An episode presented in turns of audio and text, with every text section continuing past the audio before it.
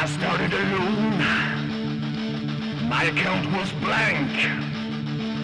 I needed fundings to get my project on its feet. What did I see? Can I believe that what I saw that night was real and not just fancy? Just what I saw that public floor was really Andy Taylor, Roderick Smallwood staring back at me. Cause in my dreams, were always there. The lovely duo who made me a goddamn rockin' millionaire.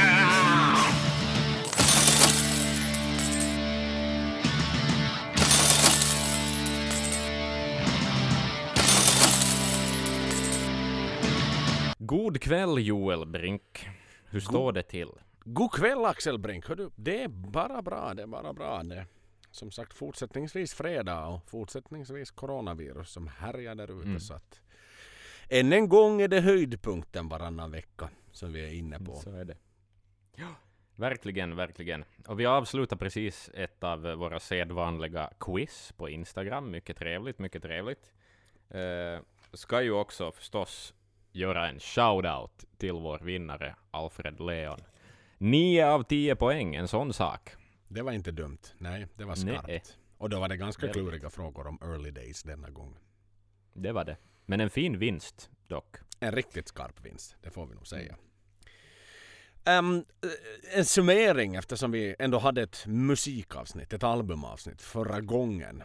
Eh, Mm. Nu sådär hade lite sjunkit in och jag kanske nästan vågar påstå att du inte har lyssnat på No Pray for the Dying varje dag sen dess att albumet, eller sen dess att vår inspelning tog slut. Nej, det har jag inte. Jag har lyssnat på vissa låtar. Hooks in You har jag återbesökt. Eh, och kanske fattat lite mer av vad du sa i efterhand. Så att för första gången tror jag att eh, jag skulle kunna gå tillbaka och lite revidera vad jag har sagt. Mhm. Eh, lyfta upp den låten lite mera än vad jag gjorde. För det är nog faktiskt en ganska bra låt. Men... Eh, mm, Ja men det var ju poppigheten jag föll, föll i för den Exakt. någonstans det här. Liksom verkligen i, i riktigt raka rockriff liksom som är, som är så snygga och stilrena och tidlösa. Mm. Ja, nej då, det är ju en eh, solid, solid, poppig, eh, välsvarvad hårdrockslåt. Mm, ja, Det- men, och det är ju är det. verkligen Adrians specialitet. Mm. Det, han, han är väl den mest mainstream i Maiden. Ja, nu är han det. Men det, Nog behö- det. det är så viktigt för annars så Annars kan det bli lite för mycket av det goda och då blir det någonstans ett nästan ett underground metalband. Vilket är kul och vilket Mm. är bra att lyssna på ibland och skitkul att lyssna på i, i sig. Men då Mm. är det mer ett klubbband. Ja, exakt, precis. Och visst kan man plocka lite true-poäng och sånt, men där är nog ändå Maiden så pass legendariska så att de inte behöver det längre. Utan det är just Nej, därför vi nej. tycker om dem, för att det är liksom, det är accessible, men det är ändå komplext och, och inte gjort för en stor massa egentligen. Mm. Eh, sådär. Mm. Nej men de har ju lyckats med det.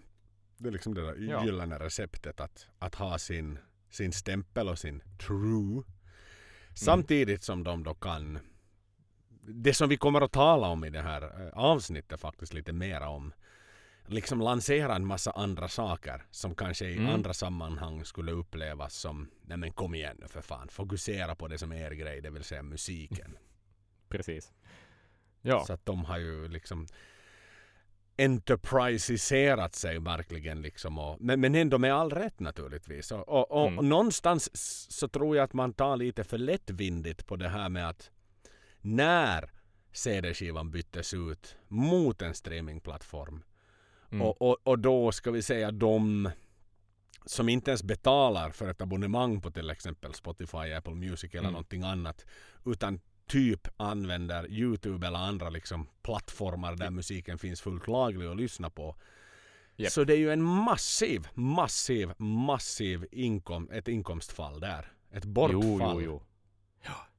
Så är det. Alltså även om bandet är större än någonsin om man tänker på publikmängd, så det här märks ju nog i, i ekonomin.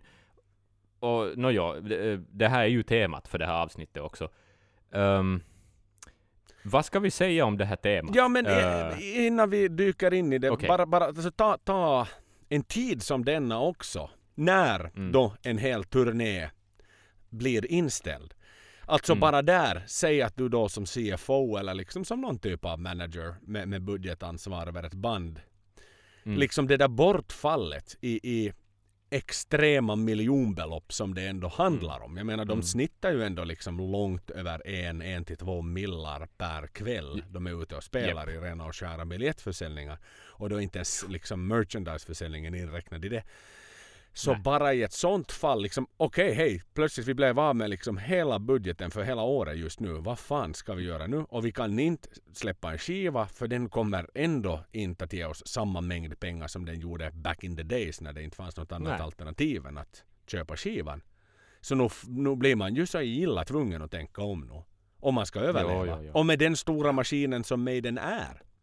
Mm, precis. De anställer många och det är en stor, stor och, och tungrodd uh, skuta liksom på det sättet och göra det som de är kända för att göra. Ja, men det är ju verkligen en liksom blue chip company inom musiken. Det, det får man ju inte glömma Mm. bort. Liksom. När Maiden kommer, det är inte en skåpbil som rullar in utan Nej. det är liksom det är såna förbannat stora arrangemang som sker. Mm. Så att, så att därför så, så liksom behöver man titta på andra in, intäktskällor och inkomstkällor. Och liksom än en gång då tänk på, på nu går det knappast någon större nöd på, på liksom medlemmarna eller Rod eller så här den här kärnverksamheten. Men om du tänker på sådana som ändå är anställda inom koncernen Iron Maiden. Mm. De har nog det lite halvtungt ändå. För, för det är klart att deras löner bekostas ju av att Maiden är ute, på, ute i länderna och spelar på scener. Exakt, så är det. Ja, jo, jo, jo. Och där kan man också fundera i och med att det är en ganska sån här eh, eller hela live-musikbranschen, över, kulturbranschen överhuvudtaget är ju extremt känslig. Alltså, eh, vad talar man om i ekonomispråk? Um, Konjunktur. känslig, för, exakt, konjunkturskänslig bransch. Så man kan ju fundera också sådär på an, anställningsförhållanden och sånt här med, med crew och så vidare. Hur, jag har ingen aning om hur de är anställda till exempel. Men eh, Mm. eh, för man, vad man vet om kulturbranschen så är det ju ganska få Nej men det är fasta klart jobb att, så att säga. Det är klart att Killer Crew, jag menar där är det ju ändå, det ser man ju i alla typer av behind the scenes DVDer då från live så är det ju, det är ju samma gäng som är där naturligtvis. Sen lo, a, arrangerar de ju, hyr de ju alltid in liksom en local crew då som finns liksom på Förstås. platsen som hjälper till med grovjobben men du har liksom någonstans ditt kompetenta crew som vet hur man riggar upp ljuset och som instruerar de här Precis. lokala och, och, och liksom, Projektledande crewet liksom. Exakt, så de är ju, Ja. måste ju vara permitterade just nu. Mm. Och det är väl ingen Jo, jo, som jo. har liksom funderat desto mer över det där. Över. Nej, speciellt med tanke på att det är samma turné som ska fortsätta, det vill säga rutinerna borde vara ganska långt injobbade Mm. vid det här laget. Att det är ganska lite, eller nå lite och lite är det ju aldrig, men planeringsjobbet är kanske i majoriteten redan gjort Mm. på det sättet ändå. Jo så är det ju, så Mm. är det ju. Alla vet att då ska flygplanet upp i Aces High och då ska det sen vecklas Mm. ihop och det ska dit och det ska ligga där och då ska eh, elden fram och då ska liksom alla de här momenten är ju så inslipade. Mm. Men, men fortsättningsvis är det någon som ska göra det. Någon ska bygga den där scenen. Någon ska riva ner den där scenen när konserten är slut. Mm. Men, men allt, deras jobb är ju helt liksom, det är ju borta. Japp. Så är det. Och det, det, det är saker som få människor eller som man inte tänker på. Man tänker alltid egentligen på då Volvo och stora industrier som permitterar för att det kanske inte finns en Ja. efterfrågan. Men, men i, i, i, jag tror att det är nog mörka moln i, i, Iron Maiden Enterprises på det sättet Ja. just nu. Alltså visserligen, vi kommer ju gå in på det här mer i detalj, visserligen har de ju då byggt upp någon sorts buffert under årens lopp och placerat Får man pengar här hoppas? som var. Får man hoppas, ja. Men med tanke på hurdana omsättningar de har uh, varit med om, eh, så får man ju tänka att de har varit långsiktiga. Men, men nu lär det ju, det här kommer ju, det är oroväckande att tänka på om det här kommer att påverka hur Maiden ser ut live då de väl är tillbaka ut på vägen någon gång i framtiden. Kunde Maiden gå i konkurs? Det har jag nog svårt tänka mig. Har du någonsin Men hört nog talas om ett band Ett band eller som en går i artist som konkurs. går i konkurs? Nå närmast var väl nog hela Hives, den här Tambourine-härvan, som den kallas. Den har jag missat. Ehm, Upplys mig gärna. just det. De, de tillsammans med några andra band, Cardigans bland annat tror jag, så var uh, anlita samma bokförare. Mm. Eh, och vad jag förstod, det här är lite grova drag och lite sådär semiflummigt ur minne, men att bandens ekonomier blandades ganska friskt för att liksom hålla samtliga bands ekonomi eh, på någorlunda hälsosamma nivåer. Men det blev en jävla härva att reda upp vems pengar som egentligen var vems pengar, vem som var skyldiga vem vad.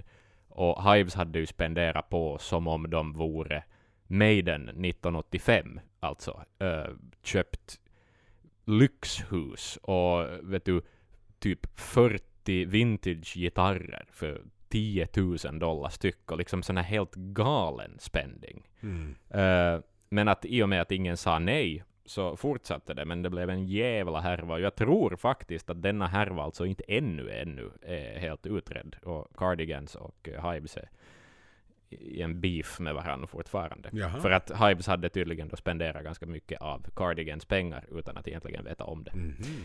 Så att, så här kan det ju gå i sådana här koncernuppbyggnader och liksom, om man inte riktigt håller koll på saker. Nej, och det är klart igen, fucked by the bookkeeper lite.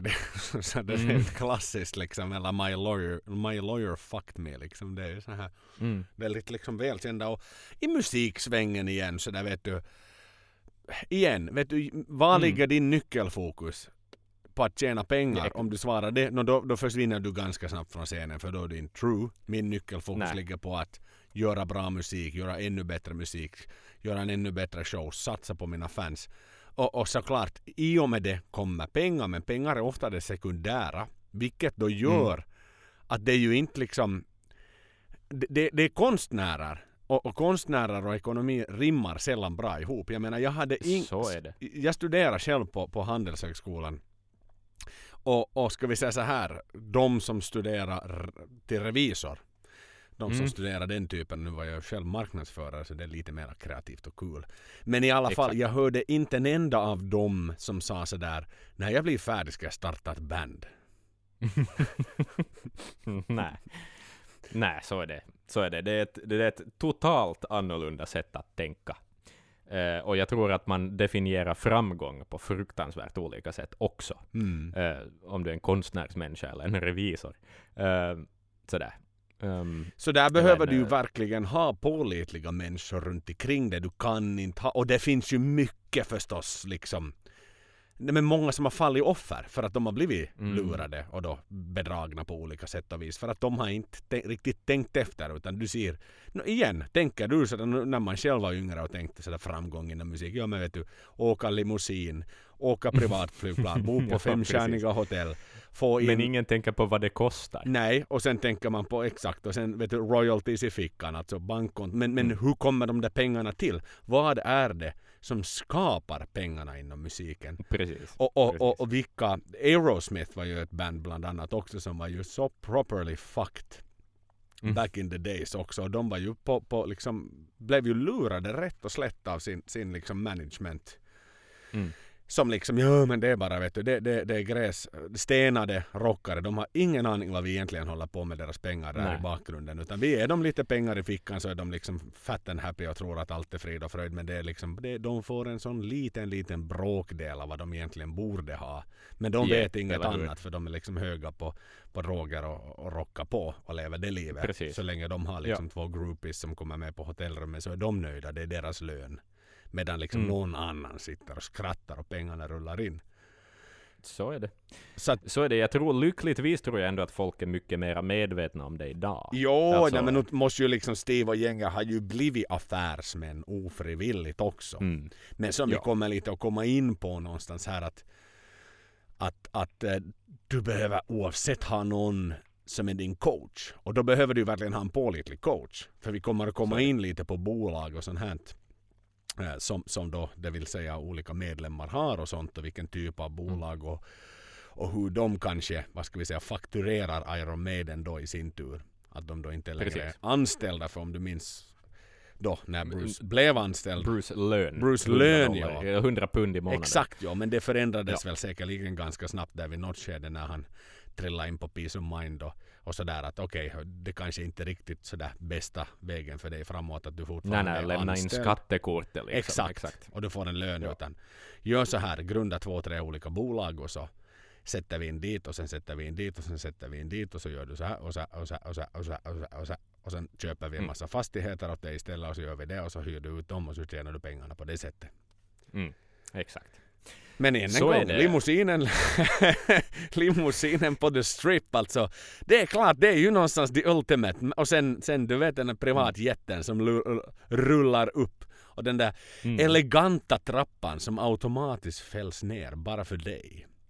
Definitivt. Och gärna en röd matta också. Exakt. Och ett mahognybord och en Jack Ja, ja. Daniels on ice liksom när du slår dig Mm. ner.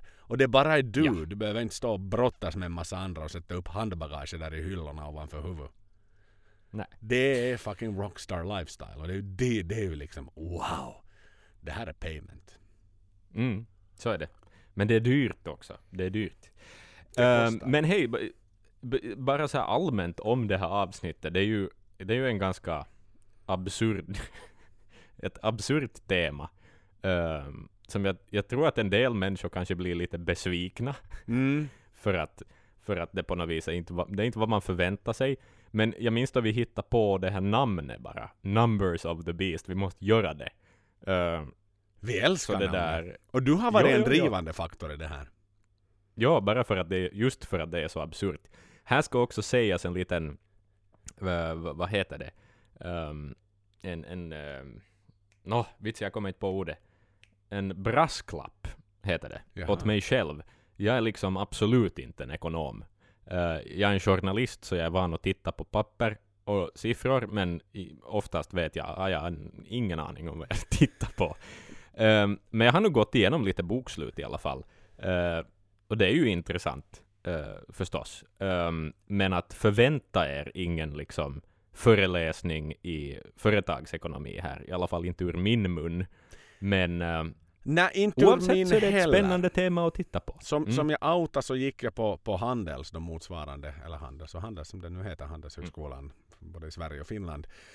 Men, men eh, jag valde marknadsföring just för att det var lite mer kreativt. Det var lite, jag tänkte mer i termerna göra en schysst cool reklam som är, som är Mm. jävligt nice, som lever vidare Precis. långt efter att den airas på TV utan att folk till och med väljer att se den på Youtube någon gång för att den var så cool, den var så humoristisk Mm. eller så djup eller så någonting. Så jag valde det, det kreativa delen. Jag är, har väl varit lite illa tvungen under årens lopp att budgetera och följa upp sånt också sådär framgångsrikt eller inte får väl, får väl mina chefer i alla fall avgöra. men, ehm, Mm. men oavsett så, att, så det är inte mina siffror heller. Jag kan inte berätta om man ska gå till eh, sätta pengarna i, i, i eh, Cayman Island eller om man ska sätta dem på, Nej. på någonstans på Jersey på någon, någon typ av bank där eller om man ska hålla dem i, i Handelsbanken som, som de facto Ja. vi kommer att lära oss att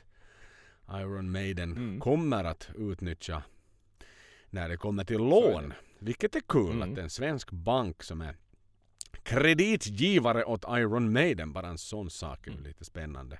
Men så vi håller det på en... eh, Det var ju som vi konstaterade här när vi talade lite tidigare att vi skulle ju faktiskt kunna ha en parallellpodd som skulle heta Mm.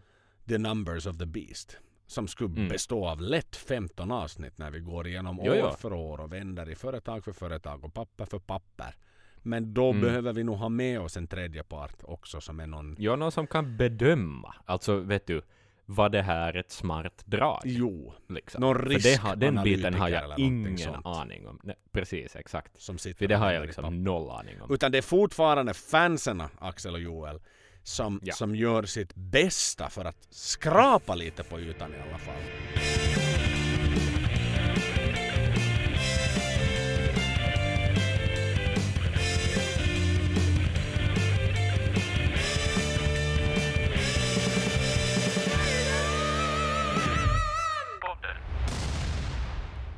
Men, men vad, jag, vad jag också vill, vill komma in på, på lite så här i samband med det här att eh, nu har vi haft våra avsnitt om om, om, om vissa medlemmar, vi kommer ju naturligtvis att slutföra mm. den diskussionen också lite senare allt eftersom. Men, men här är ju någonstans eh, huvudrollsinnehavaren är ju inte Rod Smallwood ens här. Som, som mm. säkerligen kommer att få en typ av ett avsnitt vid något skede också. Men det är Andy Taylor. Så det blir väl lite Andy Taylors avsnitt det här. Ja, exakt. Det känns uh, på något vis ärorikt mm. att göra det i det här sammanhanget. Andy Taylor, mm. lite kort, född 1950. Han är ju då alltså samarbetsmanager tillsammans med Rod Smallwood. Även om Rod är den som utåt verkar vara då Iron Maidens kommersiella manager. Men han är i mm. allra högsta grad också med och rattar i detta i Iron Maiden i bakgrunden. Um, 1979 så grundade han Sanctuary Records då tillsammans med Rod Smallwood och det är ju och var eh, Englands största independent skivbolag och också mm. ett av eh, världens absolut ledande utvecklare av eh, sån här intellectual property rights inom musiken. Mm. Och, och också världens ledande inom ägande, alltså independent ägande av musik. Så ett extremt mm. framgångsrikt som aldrig gick på börsen. Uh, naturligtvis Sanctuary Records är ju som vi alla vet namngivet efter Dito-låten. Uh, mm. Han träffade Rod Smallwood när han pluggade på Trinity College i Cambridge. Mm. Så att de var klasskompisar helt enkelt. Och har ju, håller ju på än idag, än så många mm. år senare. De börjar ju vara uppe i, i sina, eller båda är ju fyllda 70. Men, men inte släpper de med den för det är deras guldgruva och det är deras, det är deras livsprojekt. Helt mm. enkelt. Men det är Andy Taylor, musikentreprenör. Men hans liksom roll i det hela då om, om Rod är mera en managerial position på något sätt sådär som fattar mm. mera strategiska beslut och kanske större beslut så är Andy liksom the numbers guy. Det är han som, som redovisar och han som han är the accountant. Han är den Precis. with the brains som på riktigt gör att Bruce Dickinson åker buss eller åker privatflyg. Precis, exakt. Ja, titta vad som är liksom gångbart och vad som är vettigt. Exakt, exakt. Och han var ju allra högsta grad involverad när de fick för sig att första gången då låna flygplanet och köra ut på, på Somewhere Back In Time World Tour så var han ju liksom höll på att ramla av stolen när den idén kom. Men sen när mm. de igen började do the maths och liksom tänka att mm. okej okay, nu kan vi åka ut. Vi får en massa PR-värde. Vi kommer till Indien, vi kommer till hit, vi kommer dit där vi aldrig har varit. Ja, och då plötsligt börjar siffrorna liksom göra sig sådär helt, var helt okej. Okay. Att då var det sådär, okej, okay, mm. ja, men det värde ger oss det och det och det och det och det. Och om ett år ger det oss det i den merförsäljningen i Indien. För då blir vi plötsligt ett, ett aktuellt band i Indien. Där vi inte längre yes. är ett aktuellt band. Så det är mycket sådana liksom affärsmässiga beslut som tas. Som man som fan kanske inte alltid riktigt tänker på. Men jag tänker så här för min del. Mm. Så funderar jag som så här om vi någonstans skulle börja i hela bolaget Iron Maiden Holdings Limited. För mm. det är mm. väl det som vi alla känner till på något sätt. Mm. Det är det som står på t-skjortorna, huruvida den t-skjortan är äkta eller inte. Så är det en mm. Holdings t-skjorta. Maiden Holdings grundades 1 april 1981 Mm. Så liksom sökte man, registrerade man det företaget. Det kan väl tilläggas att uh, det var Rod Smallwood som registrerade. Och namnet då som sagt Iron Maiden Holdings Limited, LTD som det står för. Mm. Uh, företaget skall vara verksamt i England. Och det ska vara ett uh, holding och investeringsbolag. Mm.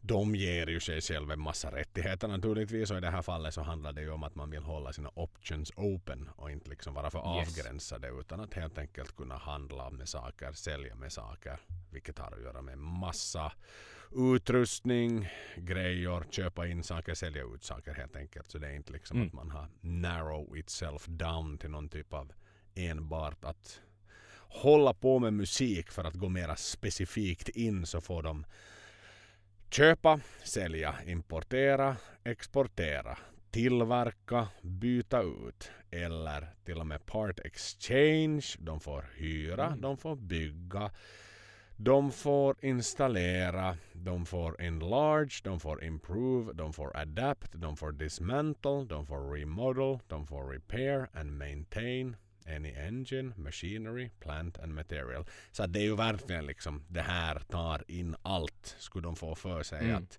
ta betalt för att tillverka ett an eller för att reparera Wasps gitarrförstärkare så är de helt okej att fakturera i företagsnamnet. Ja, ja, ja. Så det är ganska enkelt sådär. Uh, vem var Mm. det som skrev under då? Det var Mr Chettinborough Limited. Malcolm Ray som var en av de registration agents som de skrev under på. Mm. eh, eller som då signerade avtalet. Och eh. Robert S. Kelford som då var någon typ av company director. Mm. Mm. De hade säkert ingen aning om att vi skulle nämna deras namn i en podcast eh, väldigt, väldigt långt senare. Det tror jag inte och ännu bara för att lite gå vidare. Vem det är då som Mm. är eh, registratörerna från Maidens sida så har du ju då eh, adressen i sig var 18 Kensington High Street i London. Och då ser vi vem som är medlemmarna här utan då har vi en viss Clive Burr. Former names none. Occupation musician. Sen har vi David Michael Murray. Business occupation musician. British. Mm. Har vi, vi vidare Stephen Harris. Occupation musician. Mm. Vi, och det var dessa som skrev under. Just det. Paul Andrews. Precis. Förlåt mig. Mm. Occupation Han med. musician. Var med. Och Mm. sist, men kanske inte minst, Adrian Smith. Occupation musician. Och Roderick vadå? Smallwood. Occupation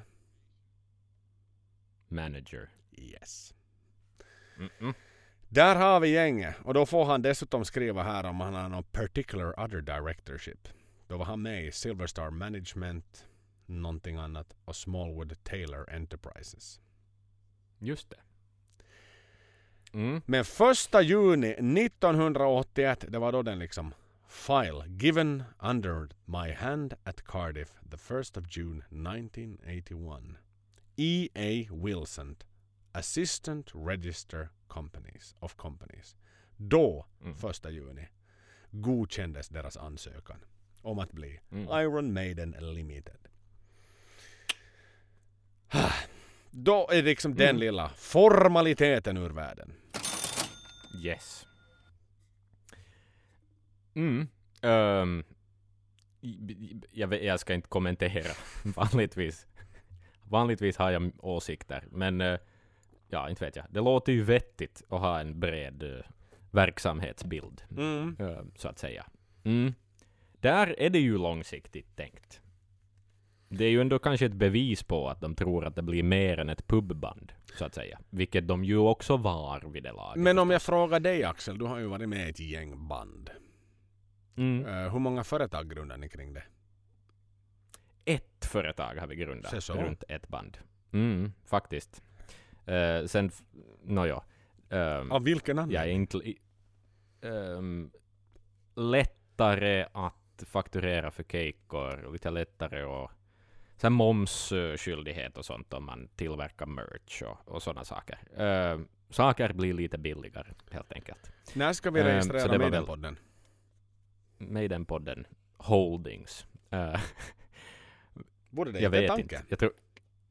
Kanske Om vi ska få lite merch Mm. så slipper vi Så moms kanske vi behöver göra det lite mer business mind- minded, ja. Men då måste vi också grunda egna företag och bygga upp på något vis en, en liten koncernstruktur. Jo, det behöver vi ju ha så att vi sen kan fakturera Mm. ut från Patreon. Exakt. Och- Och så måste vi ha en lika bred eh, fin definition som Iron Maiden Holdings Limited har. Exakt att vi kan både reparera och tillverka och importera och exportera. Och, så att vi är ganska safe där från start. För det blir ju jävligt surt om vi då hittar någon typ av business area som vi märker att Damn, varför satt vi inte in den nu då helvete? Nu kan vi inte liksom Mm. Nu kan vi inte plocka in den här musiken från de indonesiska bottarna. Helvete, varför? Nej. Det hade ju varit ett business case att ge sig in på. Mm. Jag tycker att vi lånar helt enkelt blueprinten av Maiden. Mm. Det känns ju som, som att det är i det här fallet ganska rätt. Och ganska safe Mm. också. Definitivt. Det tycker jag vi kunde köra på. Det, det, är, Mm. det är en korrekt iakttagelse Axel. Du har ju nog det här liksom Mm. entreprenörsmannaskapet i dig, det ser jag. Så hårt. Jag tänker så här Ja. Axel, i, i- dessa, dessa monetära svängar vi ändå är inne i. Vi har, vi har, vi har två vägval att göra. Okej. Antingen grottar vi ner oss i, i lite mera bokslut och bokföring. Mm. Nu, jag menar vi ska göra båda två oavsett.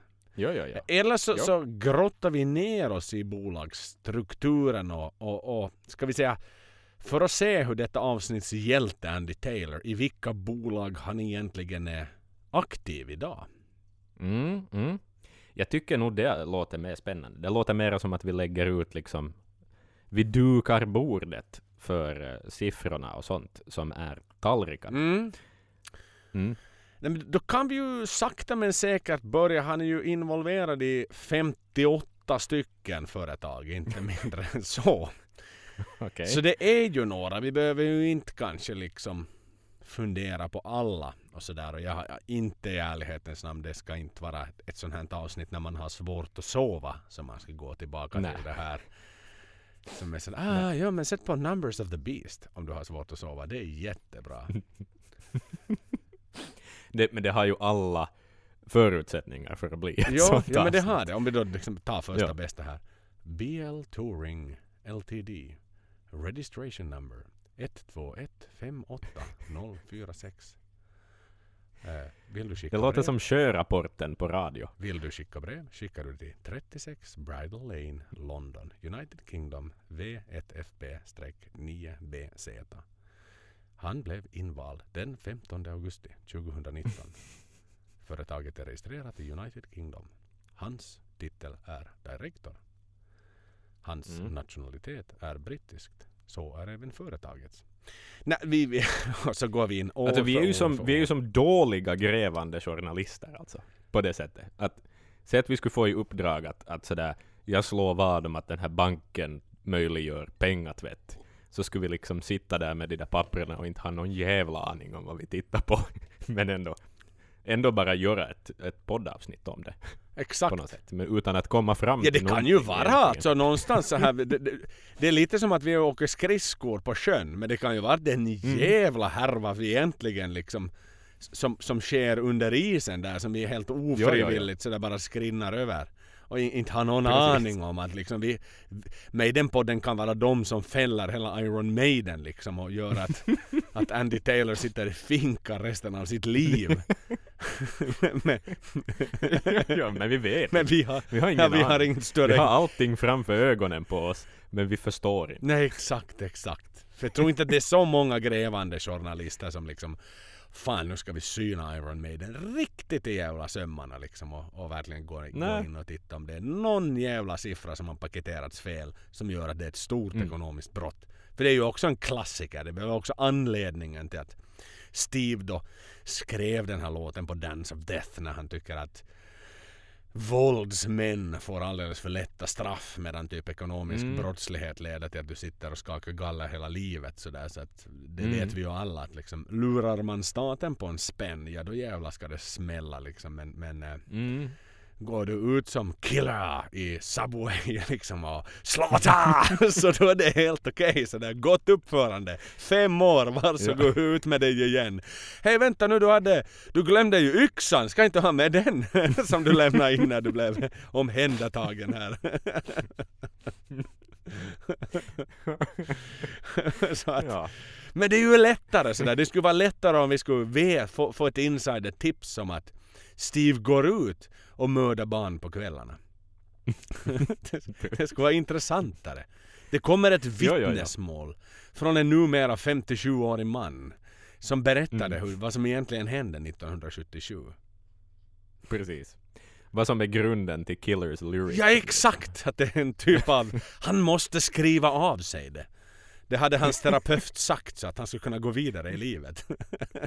Mm.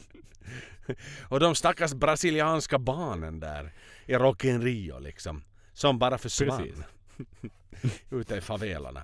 Skitsamma. Nej men ja. jag tycker att vi... Ja. Som sagt, vi kan titta på ett intresse. Om vi har någon lyssnare där ute som är revisor eller motsvarande eller jurist. Mm. Och, och ser ett helt klart och ett stort intresse och ett behov att börja med det här så sitter vi gärna med som dina co-hosts. Men ja, ja, ja. jag tror det är du som får ratta avsnittet och så sitter vi mera och bara kastar skit för att försöka lätta upp stämningen ibland. Exakt. Som de här uttråkade grabbarna på högstadiet som aldrig fick så bra liksom, slutbetyg. Men det är lite sådär. Nej. Mm. Som ritar bröst i, i, i, på pappret. Exakt. Och kasta papper i nacken på killen som satt i pulpeten framför. Exakt. Just de är vi. Vi är de. Men, men jag tänker att det som kan vara lite intressant bara liksom att plocka företagsmässigt fram. Vi kommer inte att gå ner i, i, i desto mer detalj.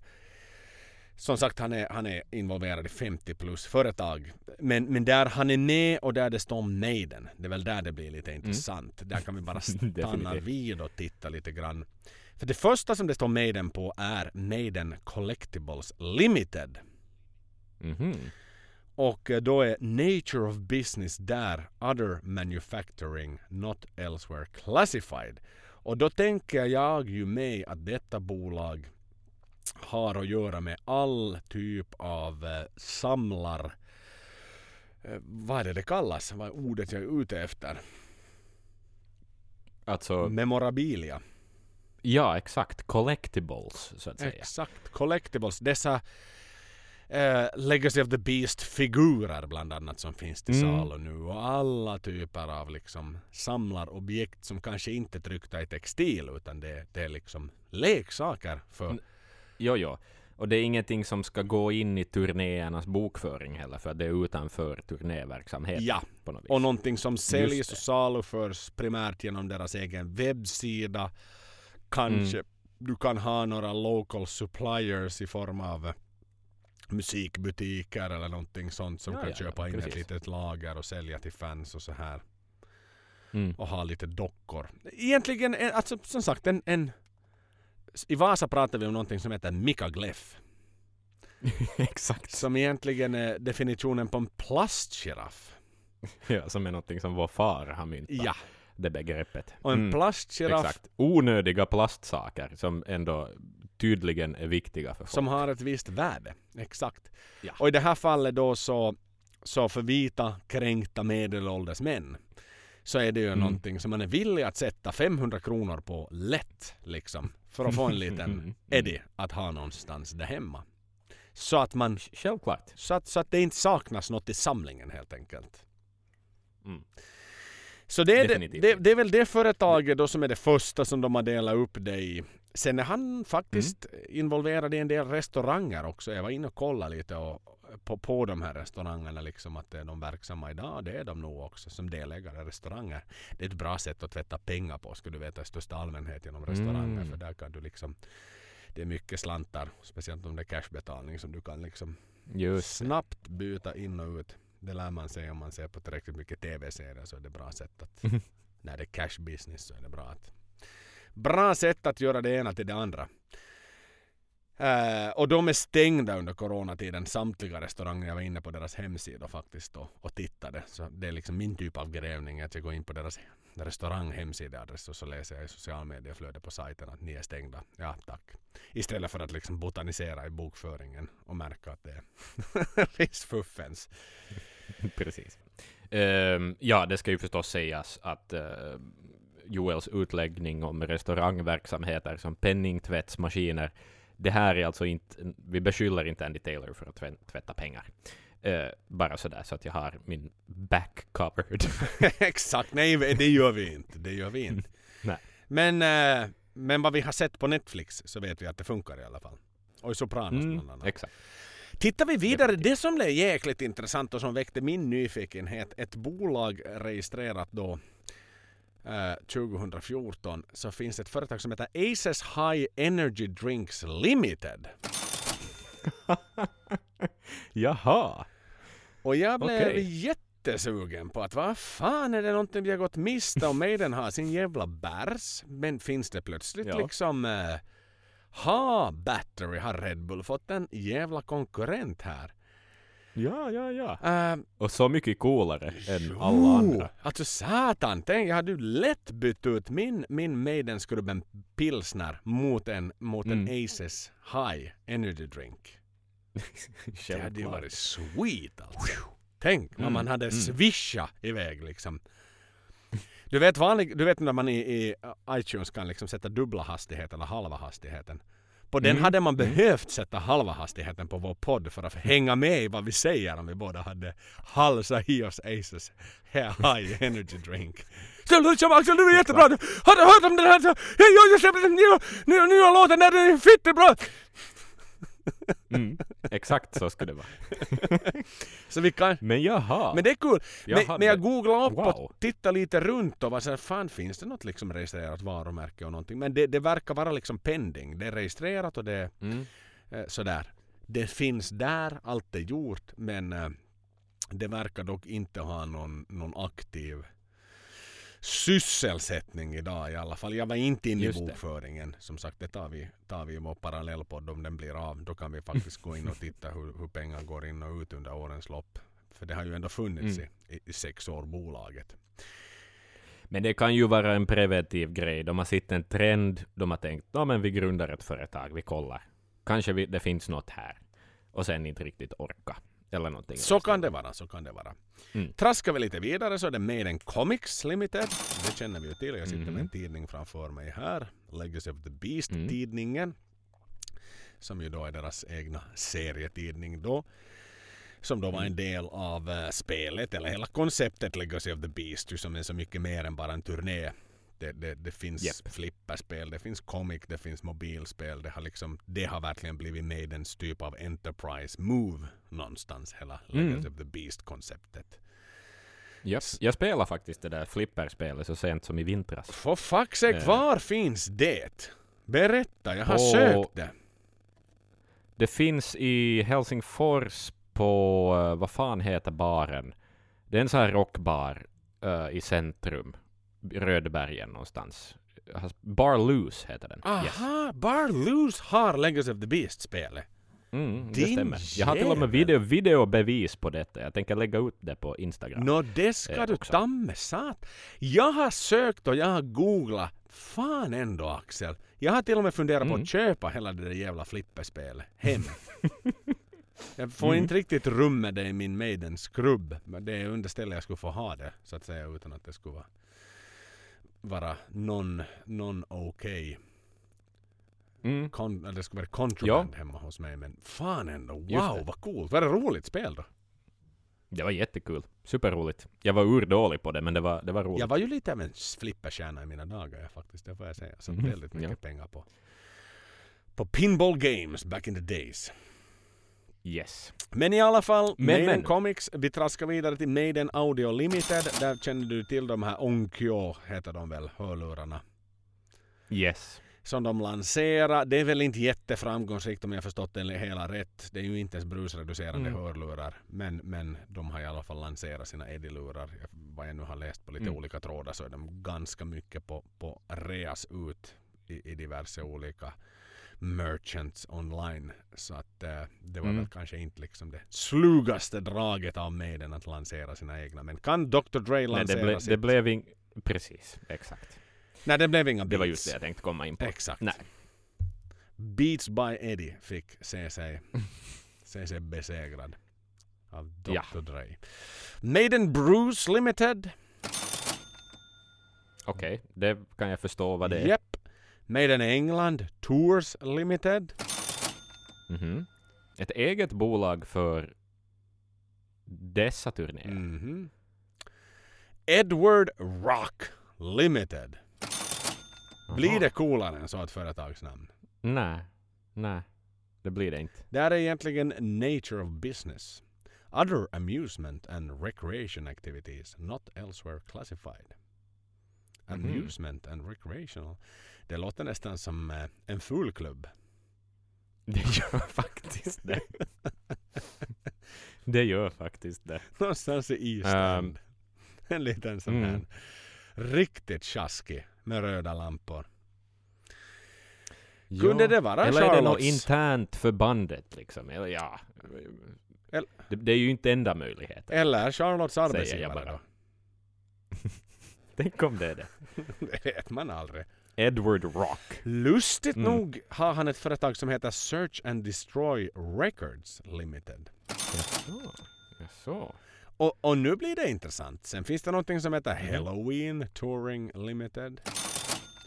Är han Mhm. involverad i Halloween också? Det vet vi inte. Mm. Förstås, Kanske. som vi var inne på redan, Sanctuary Management Productions Limited. Mm. Ytterligare ett företag som heter Halloween Limited. Går vi vidare finns det någonting som heter Cockham Riding School Limited. Okej. Det är också en other Mhm. sports activities. Så någon typ av ridskola som han är. Ja. Dualist Film Productions Limited. Dualist, ett för, Dualist är liksom Bruce Dickinsons alter ego.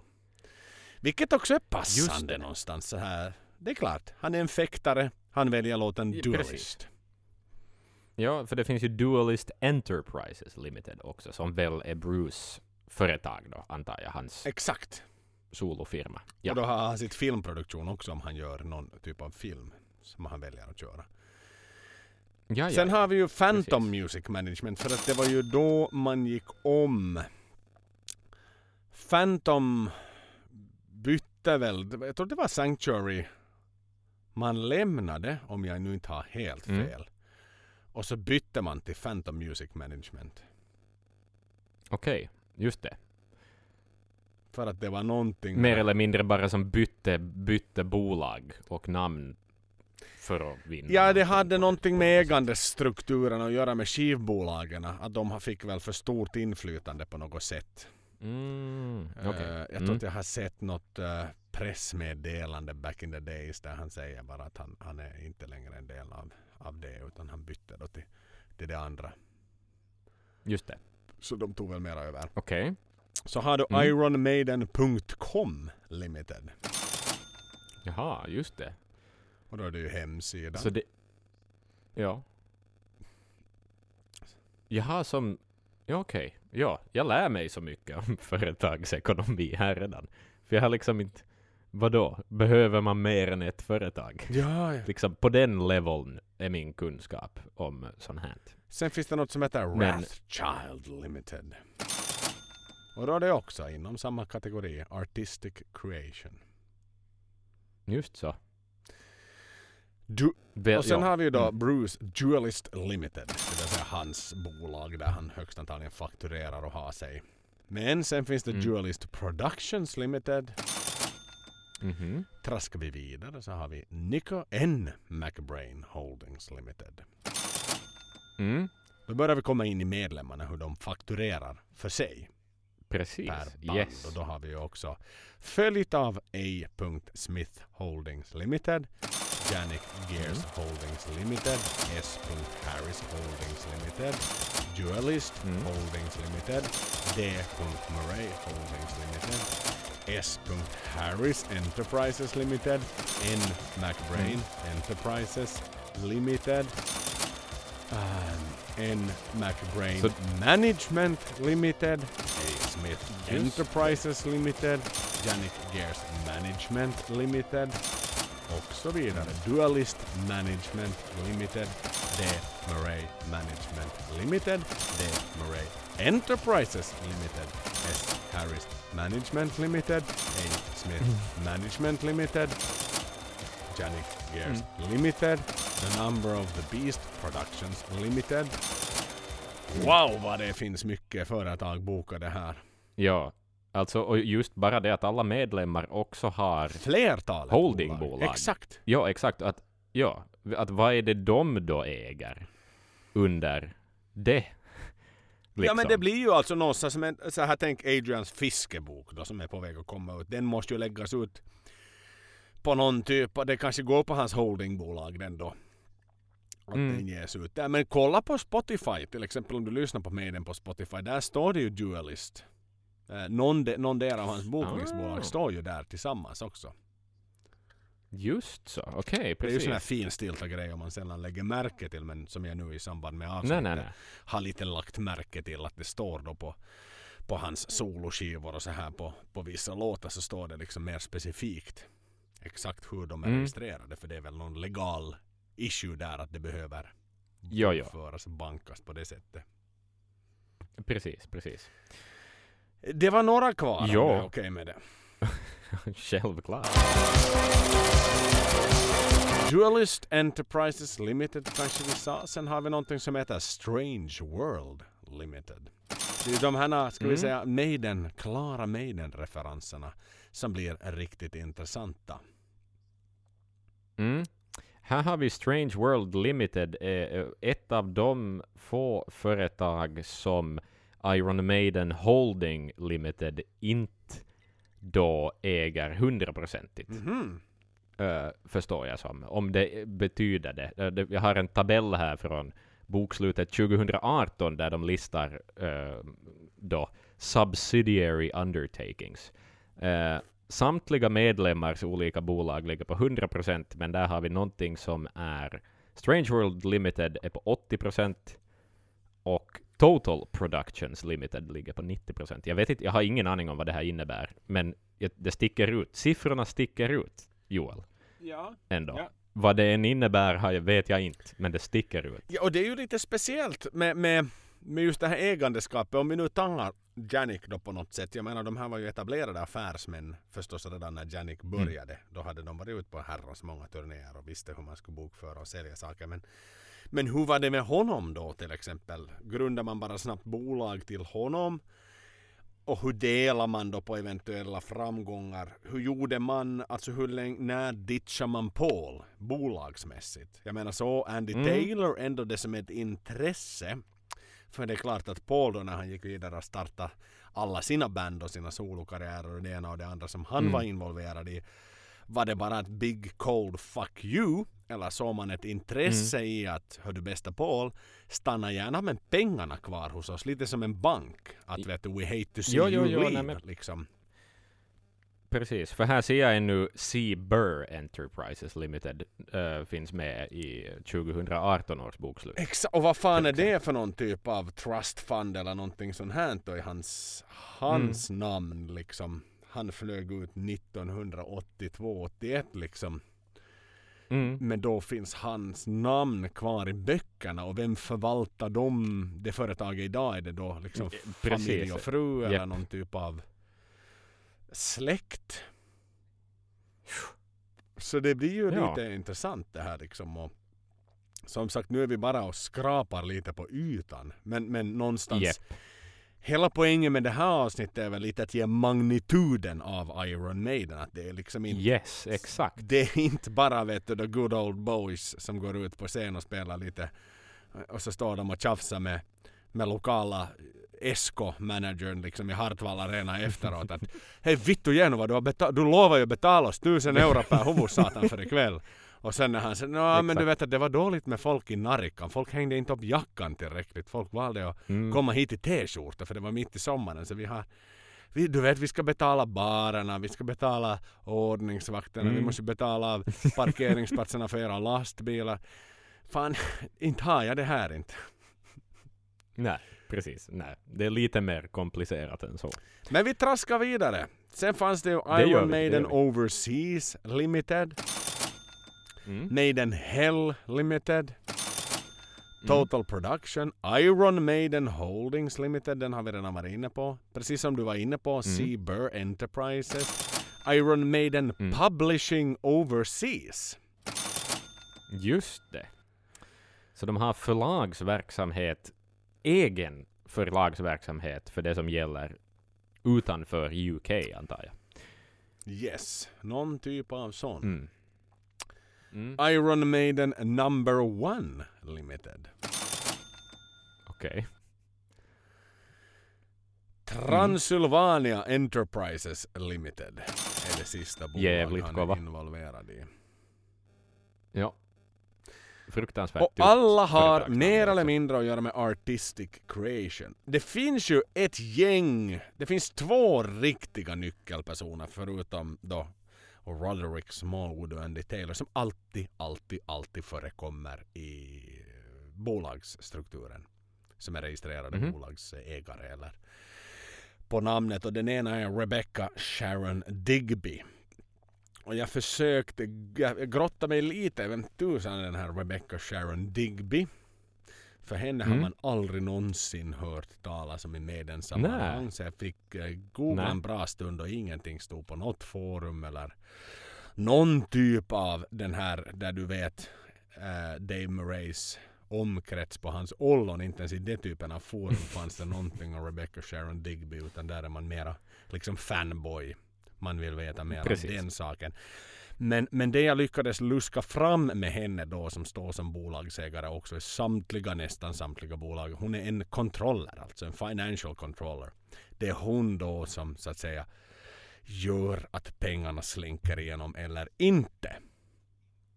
Ah, Så hon är således anställd av Iron Maiden Inc. Jag hittade faktiskt en bild från någon typ av julfest de har som jag också tänker att vi kan lägga upp på vårt Instagram.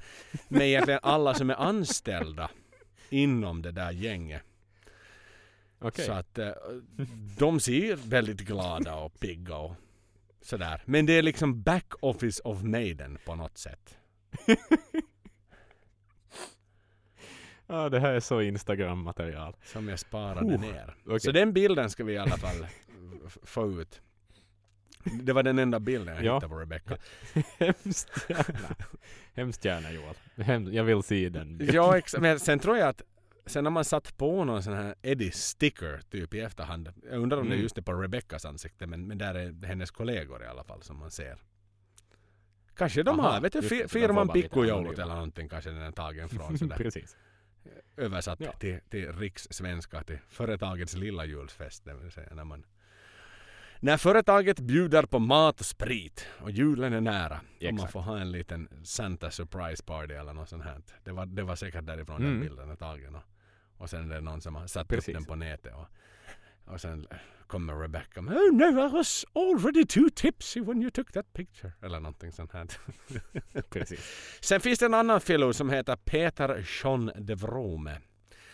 Peter John Okej. de Vrome. Kanske holl- holländskt uh, ursprung. Mm. Och han har jag förstått har varit med som någon typ av managing director eller accountant också. För han är också en ändå eh, någon som, som har, har helt enkelt skrivit en hel del där. Ehm, Just men det. han är inte längre verksam egentligen sen, sen eh, 2017 augusti så slutade han vara delaktig i, i, i egentligen alla, alla bolag där så frågan är om han antingen gick i pension eller har Mm. han dött eller har det varit någon beef med Andy eller någonting som har Mm. gjort att han har fått sparken. Det, det förtäljer inte historien.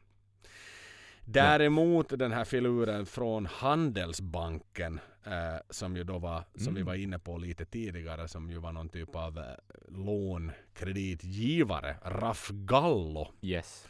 heter han, för jag blev ju nyfiken direkt och Okej. tänkte att det här är säkert någon, något lite intressantare då i och med Handelsbanken.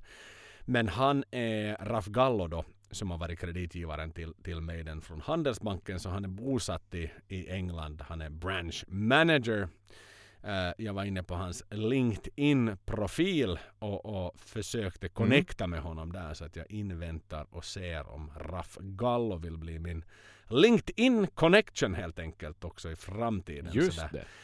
Så tar det oss Det ett steg närmare. Kanske till och med Raff Gallo kan bli vår co-host i Financials of the Beast podcasten. Ja!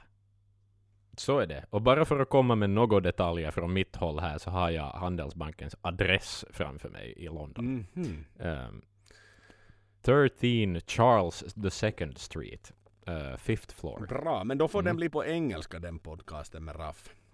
För det var liksom, till min, till min besvikelse var det inte en expert svensk som hade flyttat liksom och, och fått hålla i kontona för Maiden och fått skaka hand med. Rod och skött liksom pappersexercisen där.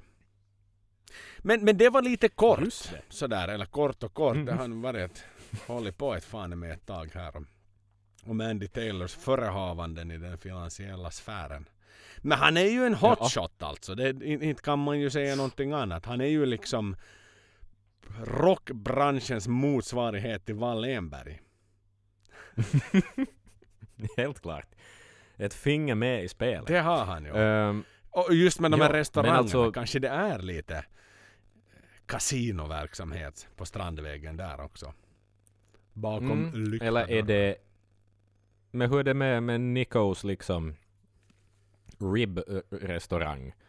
Att har det något med det att göra? Liksom? Eller Nej, det var fristående i brittiska restauranger. Det är nog Nikos egna som säkerligen går via något av hans bolag i sin tur där. Ja, ja, hans Och holdingbolag. eftersom det bolaget då ligger i Florida så måste det ju säkerligen vara registr- registrerat där. Men, men om det är någonting vi vet om förstås. USA är det att det är ju världens lättaste marknad att öppna företag på. För hela Mm, USA bygger mm. på att du ska ha en fri ekonomi och hela USA bygger på att du ska kunna tjäna mycket pengar och tjäna dem själv utan statligt involverande. Så att eh, det är Yes. absolut inga klurigheter att öppna ett bolag i USA. Snarare tvärtom. Jepp. Ehm, ja, Är det dags för lite ehm, bokföring Axel? nå nu är det väl det. Lite... Jag har nu Vill liksom du att jag ska som, öppna upp ja, bokslutarna simultant eller ska vi lita på, ska vi säga, behöver du ha en finansiell kontroll? Behöver du ha en revisor supplant? revisorsuppleant som ska... Som granskar det tillsammans med dig. Exakt. För jag har dem framför mig så jag kan Ja, gott och väl öppna Jo, dem jo. om du vill. Uh, nå, jag har lite väldigt kortfattade axplock. Jag tänkte så här. eh, denna pappersbunt framför mig. Och jag är sådär, vad är det som är intressant här? Så var jag sådär, nåjo, det är ju kanske roligt att se på år då man vet att det har hänt saker. Så att det kan vi ju se på lite. Lite finansiella spurt som Maiden har gjort längs med Ja. året, ska vi kalla det. Ehm, och de är mest intressanta, det här blir väldigt kortfattat, alltså du har ju grottat ner dig tusen, tusen gånger mer än vad jag har Och gjort. då har ju bara namedroppat några bolagsnamn. Sant, sant, sant. Helt sant. Det skulle jag också ha kunnat göra i och för sig. Uh, för de nämns också i bo- boksluten. Men okej, ehm, största jotton, om vi börjar där ändå, är ju nog, vi vet ju att bandet jobbade hårt 1985 med den där, den där dubbla världsturnén. Um, för det här är ju faktiskt någonting som liksom syns i omsättningen också. Mm. Eh, 1984 var de ju nog ett väldigt, väldigt stort band redan. Eh, då var omsättningen på Iron Maiden Holding Limited 2,4 miljoner pund. Jag vet inte vad det här skulle bli omvandlat till med inflation och så vidare till, till dagens pengar, men säkerligen mera. Men eh, mellan åren 1984 och 1985 så mer än du, fördubblade man omsättningen Oh. inom detta bolag. Så det är faktiskt alltså, upp till 5,2 miljoner pund. Men då är det ju nog det också att de jobbar ju också dubbelt hårdare. Alltså dubbelt mera merch, dubbelt fler kejkor, dubbelt med biljetter, typ. Och förstås ett bättre rykte, fler sålda skivor. Eh, och allt det här. Ja, och då ska du Så det dessutom nog- tänka att på den tiden än en gång så var ju alltså biljettkostnaderna var ju fuck all i jämförelse med vad vad var i Mm. dagsläget en biljettkostnad är. Jag menar, det minns vi ju Mm. bara från eh, vår första konsert, Early Days då som för din del, Mm. vad kostade de 40 euro kanske? Något sånt, ja. Och idag är det ju liksom det dubbla. Eh, Det är ju frånpriset är ju 80 Jo, jo, euro jo. på att gå på en konsert idag. Så att sånt har ju Mm. liksom sprungit iväg nå utav tusan. Jepp, det är nog helt sant. Jo, jo, jo, det, skulle man ta det, skulle de ha gjort samma grej nu, så skulle ju omsättningen vara hög. I och för sig har vi ju skivförsäljningen borta, men, men det skulle nog ändå, nu skulle det Det, märkas. det skulle det Äh, nog det göra ja, sättet. för det är ju nog liksom den gross sales. Och samma med merchandise-priserna också. Jag menar det är ju också en sån här klassiker när man sitter och pratar med, med, med liksom eller sitter i, olika forum och olika trådar och sådär när man pratar om Mm. att vet du jag köpte den här t-skjortan, den kostar fem pund liksom efter konserten och idag är det Mm. liksom vad fan betalar jag för min Legacy the Beast tröja i LA? Liksom den var ju 40 dollar eller något sånt. 40-45 typ. US dollars för en fucking t-skjorta liksom att nu är det ju Japp. sanslöst liksom enorma pengar det rör sig om och, och någonstans Mm. jag tog fram lite i, i samma veva bara för att ha någon typ av av siffra så där för att ha en snittsiffra vad de har för gross revenue. Alltså då är det ju ren och skär Mm. vinst och ingen omsättning. Eh, men vad de tjänade på olika liksom eh, konserter under, under Book of Souls-turnén då som är hyfsat färsk Mm. och ny i alla fall. Så att på liksom en inomhusarena då med 12 000 biljetter sålda så tjänade de Mm. 954 000 dollar, US dollars alltså. Oj. Och eh, går vi ner då tar vi liksom bara för att titta på, på eh, Brasilien då. Någon typ av eh, Esplanada do Minerado så då var det liksom över, över en miljon dollar de tjänade. Så fotbollsstadion i och för sig så där är biljettintäkterna mindre. Mm. men går vi in liksom till, till mera vad ska vi säga västerländska västerländska ställen i, i, på, i, i, här på hemmamarknaden i alla fall så, så för O2 Arena med liksom 34 000 biljetter sålda så då, det Mm. de fick i fickan är 2,4 miljoner dollar. Ja, men hur förklarar du det, det liksom om det flyger runt en miljon dollar per kväll på en turné? Hur, kan, hur, hur är omsättningen på en årsbasis för liksom paraplybolaget på något vis då, Iron Maiden Holding Limited, ändå bara i klassen, vet du, max fem miljoner, typ? Det är säkert skattemässiga skäl kan jag tro. Ofta är det ju så här Mm. att när du jagar, nu, nu är jag som sagt vä- väldigt mycket, jag jobbar ju för sig inom privata liksom, affärsverksamheter och sitter sådär hyfsat insatt i Mm. saker och ting. Så ofta handlar det ju mycket om om du vill jaga investorer. Så då vill du ha en, en ganska stor omsättning. För det ger ett sken av Just att du det. är ett hyfsat liksom seriöst företag. Har du en omsättning på en väldigt, Ja. väldigt låg summa då betyder det att du kanske inte liksom committar i ditt bolag eller högst antagligen det att du förvarar pengarna annanstans.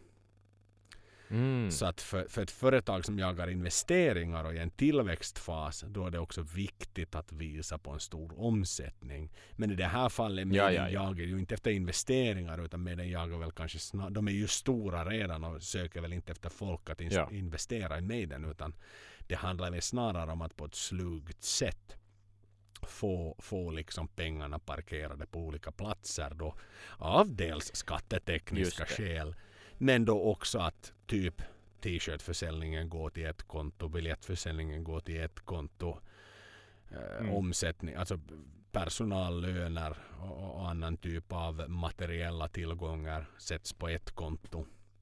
Så att man helt Ja, ja, enkelt ja. försöker sprida ut kostnaderna för att betala så pass lite skatt som möjligt eller liksom helt enkelt hålla jag antar att du kanske betalar olika typer av momssatser baserat på olika typer av eh, verksamhetsområden också. Vilket då gör att du ja, kan ja, göra ja, men precis. skatteavdrag i deklarationen. Nu är det här liksom nu Ja, ja, ja, ytterst men att- spekulativt baserat på någon typ av sån här backbone, backbone knowledge. Men, men det du i grunden säger är att skulle jag gå in och titta på varje enskilda bolags bokslut, så där så skulle siffrorna kunna se helt annorlunda ut. Jo, där tror jag du behöver göra någon typ av sammanfattning. För tittar du på då hela Book of Souls turnén, vad den Mm. i ren och skär vinst inbringade, Mm. så var ju strax över 90 miljoner US dollars. Wow. Ja. Vilket ju då gör att 5 miljoner i omsättning för holdingbolaget 1985. Okej, fine med CD sales som går på något annat. Det går högst antagligen på skivbolagets konto.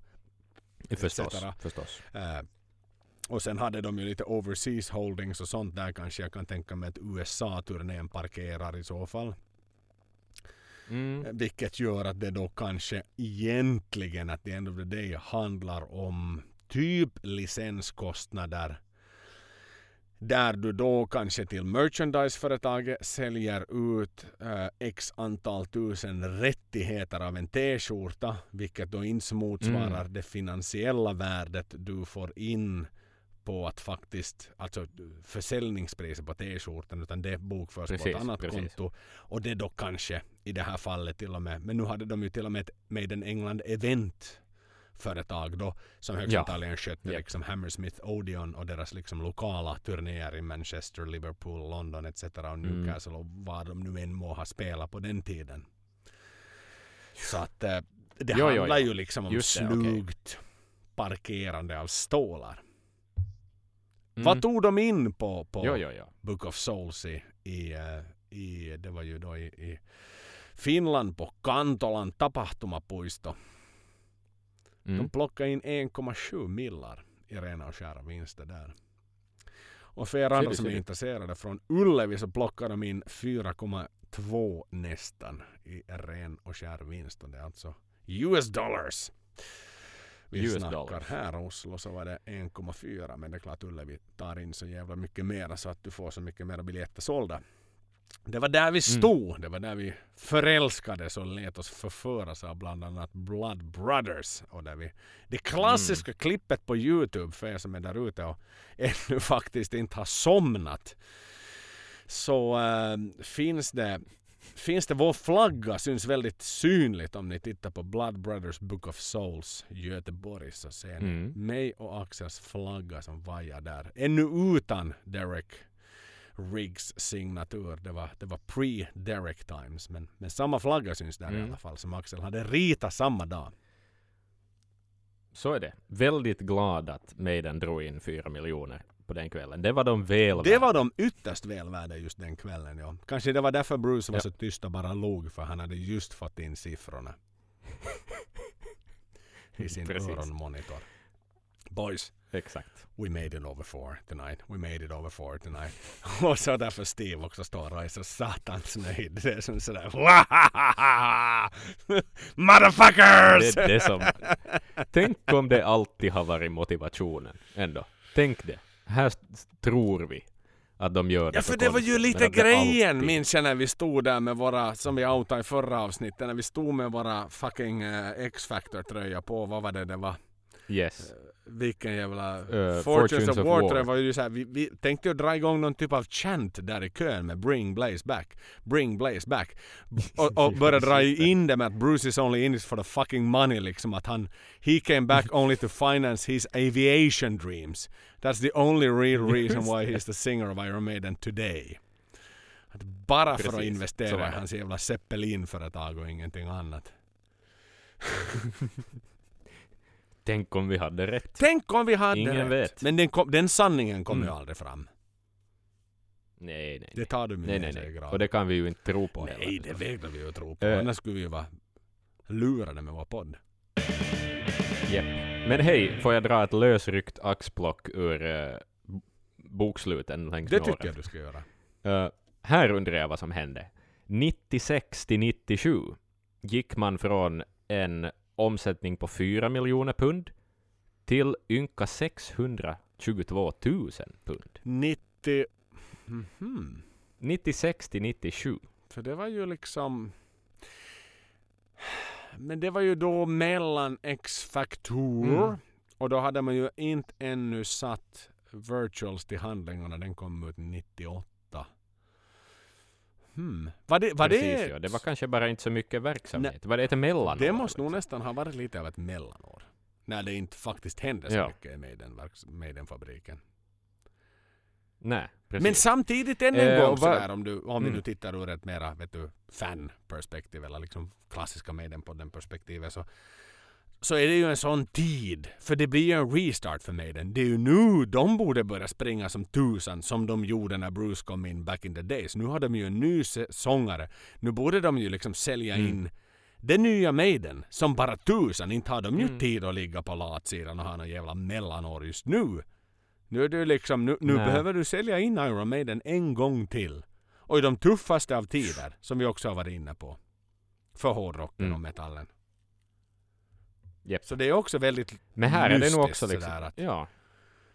sitter de och övar Mm. på att lansera spelet. Ja, exakt ja. Men inte vet jag, för att återgå till de här anklagelserna vi just viftade omkring med, att de bara gör det för pengarna, så är det här kanske ett bevis på att de ändå är konstnärer, liksom, Mm. på något sätt. Att företagaren i dem så skulle ha gjort kanske på ett annat sätt. Ja, och någonstans men, kanske lite det här, du vet. Är man en gång en miljonär är man alltid en miljonär. Att i det här fallet är det någonstans Mm. sådär att vet du, okej, nu har du ramlat rejält ner. Du är någon typ av vet du, höjdare i ett storbolag. Va- varför skulle det skilja så jävla mycket? Att du har varit en vet du, top notch Mm. dog liksom i ett storföretag i en blue chip liksom eh, Fortune 500-företag. Precis. Och så flyger du hela vägen ner från CEO-positionen för att någonting går snett. Men du är ju Mm. van att, att liksom positionera dig och le- leva i den typen av sfärer. Och nu har de plötsligt liksom Ja. helvete vad vi ramlar långt ner igen så det finansiellt också med försäljningsmässigt av Mm. skivor. Vilket då ändå var den, den tiden, sista tiden när man på riktigt sålde skivor. Så, Yes. att, så att då måste ju ändå finnas någon typ av liksom motivator för, för herrarna. Speciellt då för Steve och, och, och Dave, Nico också. Liksom de som har varit med ett bra Mm. tag. Att liksom nu jäv och Rod för den delen i allra högsta grad. Och Andy liksom att pojkar nu satan kan Ja. vi inte ligga på latsidan. Nu om någonsin Nej. ska vi ju tillbaka upp. Vi kan inte acceptera Mm. att siffrorna ser ut som de gör. För vi har liksom vi har ett brand, vi har ett, vi har ett rykte att försvara. Mm. Mm. Ja. För jag menar, du har ju alltid ett andra och ett tredje liv som en liksom former CEO a top corporate. Liksom. Det har du alltid. Det är ju aldrig så att du sitter liksom och stämplar Ja. biljetter i tunnelbaneperronger utan du får ju alltid ett jobb någon annanstans. När du, är, när du en Så, gång har exakt. klarat dig högst upp. Jo, jo, jo, exakt, precis. Ja, no, kan, helt bra, bra analys, uh, tycker jag. Och nu är de ju ännu högre än Eller vad de någonsin var. För som sagt, nu är ju pengarna liksom flödar ju på ett helt annat sätt än vad de gjorde på 80-talet. Nu är liksom världen i ekonom, i och för sig med undantag för corona såklart, så är vi ju liksom i, i vår bästa situation någonsin. Det finns liksom aldrig funnits så lite Jo, jo, jo. fattigdom i världen som det fanns innan corona etc. etc, etc. Man väljer ofta att lyfta fram negativa nyheter som att World Food Program då liksom dubblar upp antalet eh, i hungersnöd. Men at the end of the day Mm. så har ju i alla fall pre-corona världen aldrig varit en bättre liksom hälsomässig ekonomisk situation som nu. Nej, Vilket då Nej. gör att vi har råd att pynta 100 euro eller 900 svenska kronor för en konsertbiljett. Det är helt okej. Plus att vi har råd att dricka våra jävla öl för detsamma under samma kväll så att säga. Sätta samma peng på, på det. exakt. Och ännu samma peng på lite merch och lite hit och lite dit och tågbiljetter och hotell och sånt. Så att vi, vi jag menar sådär, det är helt fine att sätta 5000 kronor på att gå på en konsertkväll om inte du råkar bo i staden konserten är i. Mm, mm, ja, exakt. Eh, så är det, så är det. Uh, det lär ju nog förändras förstås nu. Men, mm. Men vad skulle jag annars säga då ur mina random axplock ur uh, boksluten sådär nu, modern tid, senaste decenniet, eh, så har det varit ganska, okej jag vet inte vem jag är bedöma om det är stabilt eller inte, men att vad ska vi, omsättningarna har sjunkit, men de ändå verkar vara ganska regelbundna Mhm. så att säga. Eh, att det- det ligger runt miljonen. Vissa gånger den är mot 700 000, andra gånger är det upp mot 1,2, men det är där det rör sig. Det är där det rör sig.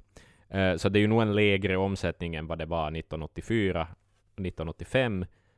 Um, men s- precis som du kom in på, det kan ju ha med bokföringstekniska saker att göra.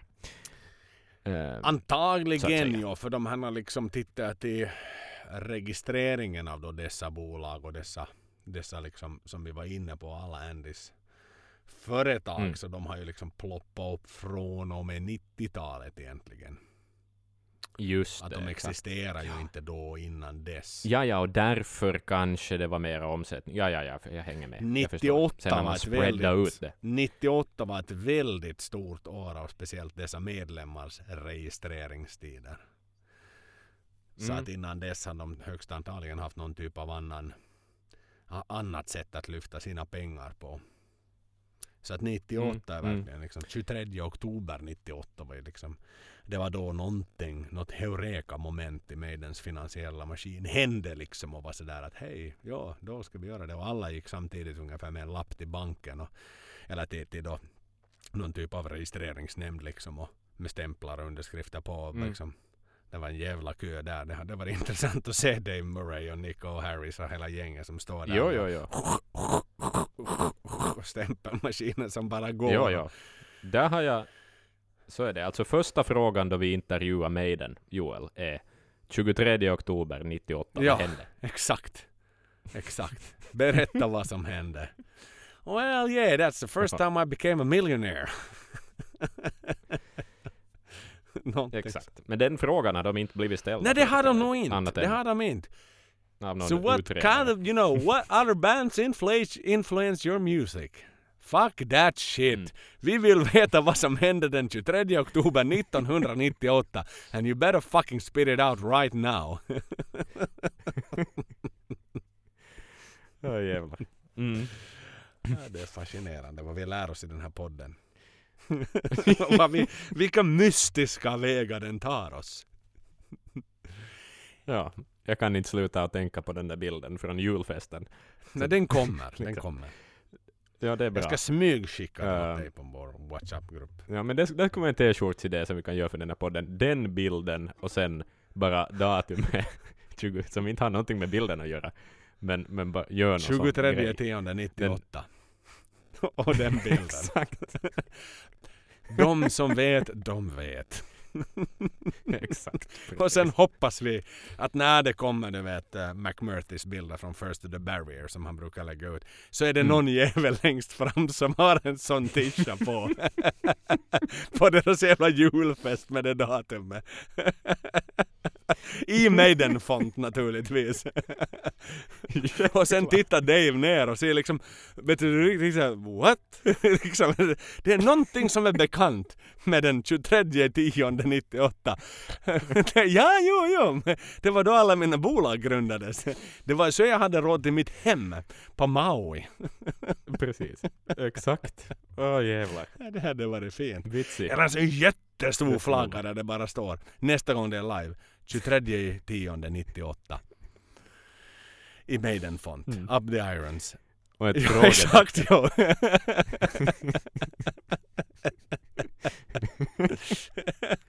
Nej, vi får liksom ta Oj, det här liksom fan-leveln till nästa nivå. Jag skulle säga att det är dags för det. Mm. Nej tusan, har du mera saker än att uttrycka dig om eller är vi... Jag börjar vara ganska tom i bollen. Alltså. Samma här, jag har Eh, liksom aldrig behövt tänka i dessa finansiella revisionsbanor innan. Jag har verkligen så här satt på glasögonen på nästippen för första gången liksom. mm. Ofta talar vi med Mm. känslor och det. Jag stod liksom och velade mellan Mm. en vit skjorta och en Maiden-tröja innan jag liksom skulle kliva in här och köra det här. Att, vi, va, vad ska jag plocka på mig riktigt? För hur ska vi hantera det här? Men som Mm. Jo. sagt, det är ju, vi är ju bara ytterst att skrapa på ytan och, och förhoppningsvis så kanske vi väcker en viss form av nyfikenhet hos er där ute också. Att sådär Mm. att vilja ta klivet ut och botanisera i Maidens bokföring. För den finns fullt allmän och fullt publik där ute. Man behöver inte betala en slant. Det är det som är det fina med nätet och med, med registrerade bolag att allting är och ska förbli offentligt, offentliga handlingar helt enkelt. Så att för den som vill och den som orkar så finns det så in i helvetes mycket mer att lära sig om. Och kanske, kanske The Financials of the Beast tillsammans med vår kä- kära gode vän från Handelsbanken. Minns inte ens vad han hette något mera men. Det var något ganska coolt namn. Jo, ändå. Typ Raf Roff, Gallo hette han. Roff någonting. Ras Gallo, exakt. Så, kanske ni hör oss parallellt på engelska med Raf Gallo här från Handelsbanken när vi sitter och verkligen går ner i rad för rad. Det lär bli mycket. Mm. Det tänkte jag ännu säga sådär att vill man lättillgängligt få Maidens samlade bokslut så kan man riktigt bra bli en Patreon för då kommer vi att, vi kommer att slänga upp en liten länk till, till samlade bokslut. Absolut. Även eh, för våra Jajamän, Patreons. så samtliga att, eh, bokslut som ligger på mm. Iron Maiden Limited ska det tilläggas. Uh, finns, det sen, yes, det, det är inte alla bolag. finns det sen större förfrågan eller att man blir en 10 dollars Patreon så då får man tillgång till alla bolags alla bokföringar.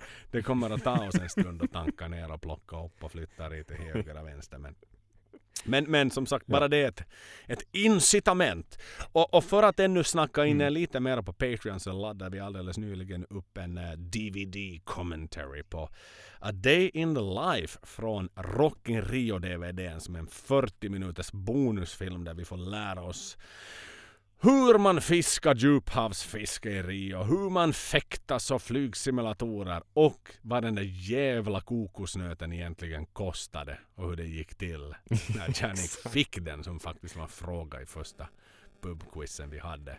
Men Axel, det har varit ett jäkligt roligt avsnitt att göra även om det har varit mycket Ja. grottande och vi säkerligen i det här fallet kanske inte riktigt hade lika många som startade avsnittet som slutförde denna gång. Nej. Men det kändes att det behövdes göras. Jo, jo, jo. Helt klart. Jag är så stolt att det här blev gjort. Det är jag också. Det är få saker i mitt liv jag är så här stolt Ja men över samma faktiskt. här! Samma här. Det är lätt att vet du, Ja. ranta och älska musiker och älska låtar och Mm. fanitta. Men jag kan ju inte säga att jag älskar Aces High Energy Drinks mer än vad jag älskar Maiden Number One Limited. Sådär. Men Nej. om en sista fråga. Om du hade fått bli delägare av Andy Taylor i något av bolagen. Vilket hade Ja. det blivit? Oj. Jag tyckte nog att det där Transylvania någonting, någonting limited var ganska Det var bra. din grej. Det var min grej. Det är ett coolt företagsnamn bara. Bra. Eh, Som en ölentusiast så hade jag ju nog gått in i Maiden Bruce Limited. Faktiskt. Mm. Men Det är ju kanske det mera ekonomiska. Det är liksom, jag går mera på att köpa vin enligt etiketten medan du faktiskt smakar ja, på det. det är en, som sagt en smaksak. Precis. Men till er där ute som har kämpat på med det här. Vi, vi kommer kanske tillbaks till lite mera, vad ska vi säga, välkända territorier nästa avsnitt vi gör. ja. Och som sagt, håll ögonen ute för på, på, på poddplattformar inom närmsta tiden för The Financials of the Beast tillsammans med, vad hette han Axel? Har du namnet framför? Rasga, Rasgallo, var det så? Mr Var det Raff, så? inte Rass. Okej. Och jag tycker alla er ni ska gå ut och, och skicka en invitation till Raff Gallo på LinkedIn också. Branch manager för Handelsbanken. Bara en sån sak. Så är det. Och glöm aldrig 23 i tionde 1919. Nej, det var ett stort datum i Iron Maiden, Iron Maiden-koncernen. Det får vi fan med påstå. Det var då stämpelmaskinerna gick på högvar hos Raff Gallo. Jag fick gå och byta bläck i jämna mellanrum. Alla stod på kö. Som alltid Instagram, Ja. eh, Facebookgruppen har vi. Den växer den också. Aktiviteten stiger. Det är skitkul. Vi har liksom märkt av ett jävla uppsving av eh, coronatider. Folk streamar mera, folk lyssnar mera på poddar och vi är Mm. extremt tacksamma till var och en av er där ute. Skitsamma om ni är Patreon eller inte uppskattar vi naturligtvis också men allra mest uppskattar vi er som lyssnar på oss och orkar Ja. varannan vecka, gång på gång kanske ni hittar oss för en liten stund, sen kanske ni har varit med jättelänge. Men verkligen, det är jätteroligt att ni är med på vår lilla färd och vår lilla resa. Vi uppskattar det minst lika mycket som. Ja, och ni kommer att vara färre till antalet efter det här. Yes! Jag skulle kunna sätta en liten bet att vi kommer att tappa 20% av våra Instagram-följare efter detta. Men det bjuder jag på för vi behövde ta det här avsnittet. Ja, det är värt det. det är Men värt som vi brukar säga Axel, up the irons och. Mm. Puss och sköt kram. om er där ute så hörs vi om två veckor igen. Och då blir det pubquiz igen. Puss puss, hej då!